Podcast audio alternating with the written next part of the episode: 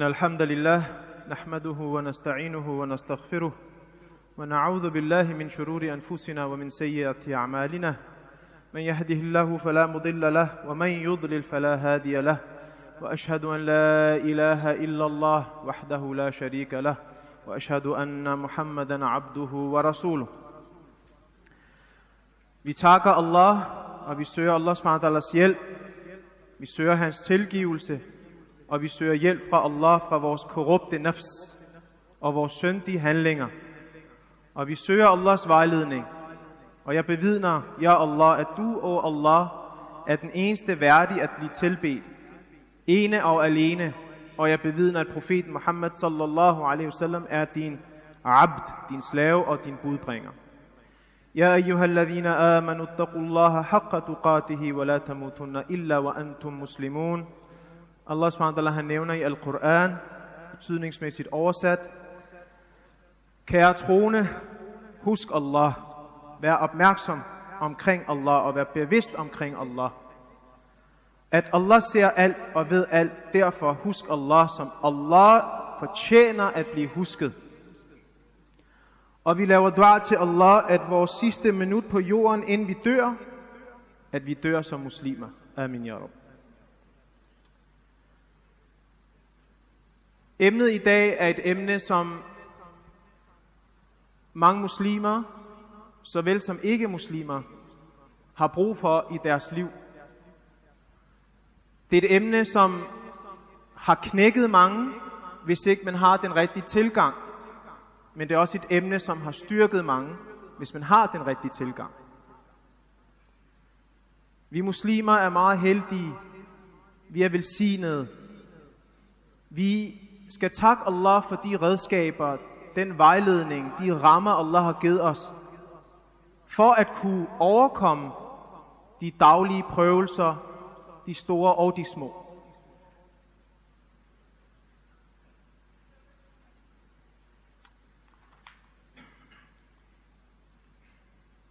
En af de ting, som vi muslimer har brug for i vores liv, som alle på et eller andet tidspunkt i deres liv får brug for, det er, hvordan overkommer de en test, en prøvelse, en fitna, der åbner i deres liv. Ingen kan påstå, at de har levet et liv, uden at der har været en prøvelse. Vi ved, hvis den prøvelse kommer uden iman, uden tro, uden taqwa, uden at man er bevidst omkring, hvad Allah egentlig vil med os, og uden tawakkul, uden at vi ved, at Allah skal nok passe på os, forestil jer, at man bliver ramt af en prøvelse. En stor, stor prøvelse. Du mister nogen, du bliver syg, du mister penge, du bliver opsagt, fyret, du kommer ikke ind i den uddannelse, du gerne ville. Du går i gæld.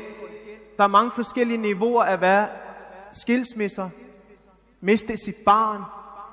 Alle de her ting, vi har set i verden, når de rammer en, og man ikke har rammerne og værktøjerne og måden, vi tænker på og håndterer det, så sker der kriser i ens liv.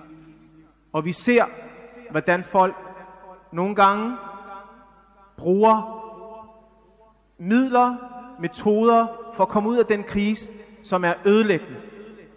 Fra alkohol til stoffer, og i værste tilfælde, at folk begår selvmord.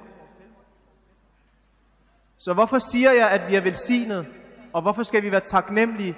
Fordi vi har netop den vejledning, der skal til for at overkomme de prøvelser. Og netop i de her dage, der ser vi, hvordan, subhanallah, igen og igen, vores muslimske brødre og søstre i Gaza, må Allah beskytte dem, må Allah passe på dem, må Allah give dem tålmodighed, og må Allah give dem sejr. Hvordan de gang på gang bliver testet. Og testet på en måde, hvor de bliver ydmyget og dræbt, og hele verden ser på, og ingen gør noget. Alt imens de samme folk går rundt og har en eller anden holdning til Rusland og Ukrainekrigen Ukraine-krigen i forhold til, hvem er den gode og hvem er den dårlige. Det kan ikke blive mere dobbeltmoralsk. Det kan ikke blive mere hyklerisk. Vi har lige været igennem en rigtig, rigtig smuk dag. Ashura. Den 10. dag i, i Muharram. Og hvad har vi gjort der? Vi muslimer har fastet. Inshallah. Og må Allah acceptere vores faste. Det er berettet i Bukhari og Muslim, at profeten Muhammad sallallahu alaihi wasallam, da han indtrådte Medina, der så han, I har alle sammen hørt den her historie, den her fortælling, den her hadith. Han kom ind og så jøderne, de fastede, og han spurgte dem, hvorfor faster de? Så sagde de, de faster, fordi den her dag er den dag, hvor Musa a.s. frelste sit folk fra Firaun. Så det var, en, det var en dag, hvor der var en sejr. Så profeten Musa a.s. han fastede. Da profeten Muhammad sallallahu alaihi wasallam han hørte om det, så sagde han, vi har en endnu større ret over for Musa a.s. Vi følger ham mere end de gør. Derfor vil vi også faste. Og her forleden, der havde jeg en, en lille snak med nogle unge drenge og piger i forhold til, at jeg spurgte dem, følger vi som muslimer Musa a.s. mere end jøderne? Følger vi som muslimer Isa a.s. Jesus mere end kristne? Og de unge var lidt i tvivl. Så ja, de kristne, Isa a.s. Jesus, det er jo de kristnes profet. Og Moses er jo jødernes profet, så de må vel følge ham mere. Og subhanallah, netop den viden, eller manglende viden, gør netop, at vi mange gange ikke ved, hvor meget mere vi følger de profeter, som andre religioner påstår at følge. Men det er et andet emne. Men tilbage til, at profeten Muhammad sallam, han opfordrede muslimerne om at faste. Og hvorfor? Hvorfor? Fordi den dag var sejrens dag. Den dag havde Musa a.s. med iman og med taqwa og med tawakkul ventet på, hvornår Allah vil give ham sejren. Vi kender alle sammen Musa a.s. historie, fra han var barn til han blev voksen. Hvilken prøvelser han ikke gik igennem. Og det er derfor, vi skal søge inspiration derfra. Derfor muslimerne i verden skal søge inspiration fra Musa a.s. Og på samme måde ser vi Nuh salam, som også havde en lang, lang kamp med hans folk. 950 år måtte han kæmpe. Og hvad fik han? Få følger. Men hvad havde de til fælles, brødre og søstre? Og hvad kan vi lære fra deres fællesskab, deres vision? At da de arbejdede med det, de arbejdede med, var deres fokus ene alene at tilfredsstille Allah. Så de blev aldrig slået ud af, hvad end Allah havde til dem. Nummer to ting. I den proces, i den fase, i den tid, hvor de kæmpede for at få deres folk til at komme tættere på Allah, de var tålmodige. De var tålmodige. Og at de kaldte folket til Allah. Og hvad kan vi lære fra de her ting? Hvis vi ser på Musa a.s. og Nuh a.s. historie som muslimer, at der er nogle sunder i livet, der gentager sig. Historisk, de gentager sig. Nummer et, brødre og søstre, uanset hvad der foregår rundt omkring i verden, uanset hvem der fører en krig mod godt, uanset hvem der er dem, som går forrest med falskhed og ondskab og arrogance, uanset hvem de er. Hvilken som helst stormagt, der har været i den tid, vi har levet, hvis fundamentet for deres stormagt er uretfærdighed og ondskab og falskhed på et eller andet tidspunkt, har vi set i historien, så slutter det. Det er den sunnah, Allah SWT har lagt i livet. Så lige nu selvom det ser håbløst ud. Jeg sagde det til de her unge mennesker, jeg sagde, gå ind og kig forskellen på rig og fattig. Forskellen på et, en besættelsesmagt og, en, og en, en land, der er besat. Hvordan de har guld og sølv og diamanter på deres gader. Og hvordan folk i Gaza ikke har nok at spise. Når du ser den forskel, så går det op for en, at der sker uretfærdighed, og der sker falskhed, og der er ondskab, og det vil ophøre. Og hvornår, det ved vi ikke. Jeg ved ikke, om vi kommer til at se, hvornår den sejr, den kommer.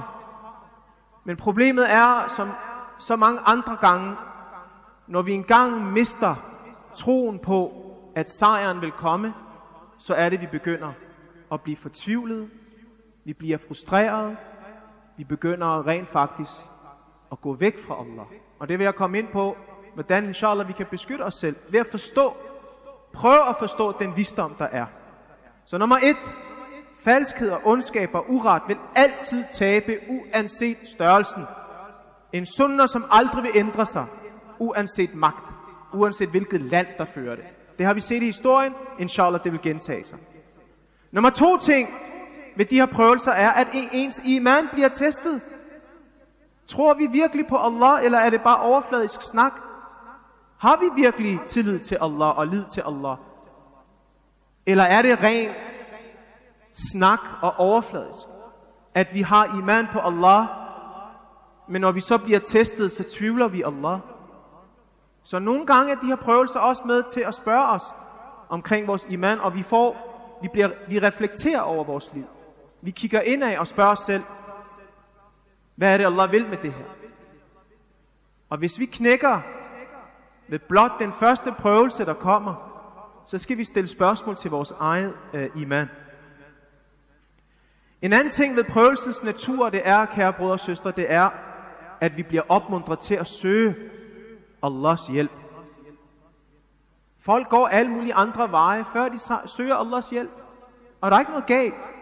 Der er ikke noget galt med at tage til en psykolog, en læge, til en advokat, til alle mulige folk, der nu har brug for at hjælpe dig med, hvad du kæmper med. Men har du hoppet Allah over, fordi du tænker, hvad kan Allah gøre for mig her? Så er der det problem. Så er der det problem, at vores iman er nu på spil. Og det er et problem. Og spørgsmålet er igen, som vi alle kæmper med. Når Allah subhanahu så opfylder vores dua, og opfylder vores ønsker, hvad giver vi så til gengæld? Ender vi ikke altid tilbage til at være utaknemmelige? Ender vi ikke altid med at falde tilbage i de samme sønder, efter Allah har reddet os? Vi spørger altid, åh oh Allah, bare den her gang, wallahi Allah, bare den her gang få mig ud af det her, jeg har rodet mig ud i. Jeg lover dig, jeg lover dig, oh Allah, jeg begynder at bede. Jeg lover dig, oh Allah, jeg begynder at faste. Jeg begynder at læse Koran. Jeg lover dig, at jeg begynder at være et bedre menneske. Og så snart problemet er over, hvordan takker vi Allah med det problem, der nu er over? Ved at være utaknemmelig. Og ved at gå tilbage til de sønder, vi begik før. Derfor, brødre og søstre, i khutbah del nummer to, inshallah, vil jeg ganske kort komme ind på, hvorfor er det Allah forsinker vores ønsker og vores dua, som vi har sendt til Allah. Aqulu qawli hadha wa astaghfirullahu li wa lakum.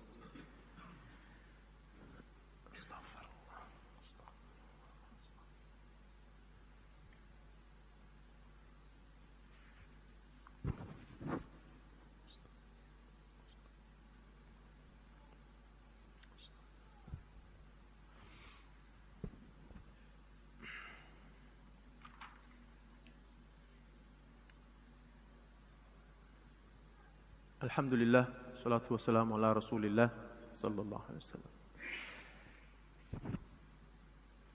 Så vi har alle sammen prøvet at lave dua.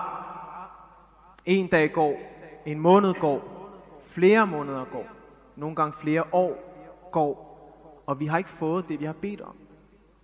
Og nu begynder man at stille spørgsmål. Åh oh Allah, hvad har jeg gjort? Har jeg ikke lavet dua, åh oh Allah? Har jeg ikke været en god person? Har jeg ikke bedt? Har jeg ikke gjort alle de ting, du siger, jeg skal gøre? Siger du ikke i Al-Quran, O oh Allah, til mig, at når du kalder på mig, så jeg hører dig, jeg svarer dig, så hvorfor, O oh Allah, hvorfor? Alle har prøvet det.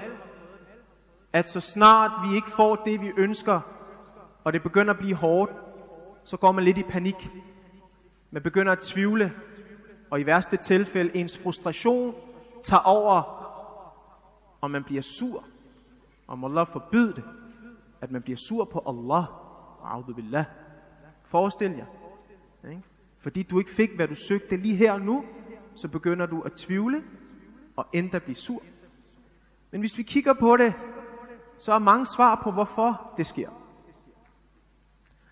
Allah subhanahu wa han forsinker os, fordi Allah er den, der ved bedst, og vi ved ikke, hvad der er bedst for os. Det er det første, vi skal tænke på. Hvordan ved vi, at det lige præcis nu og her, jeg skal bruge det svar?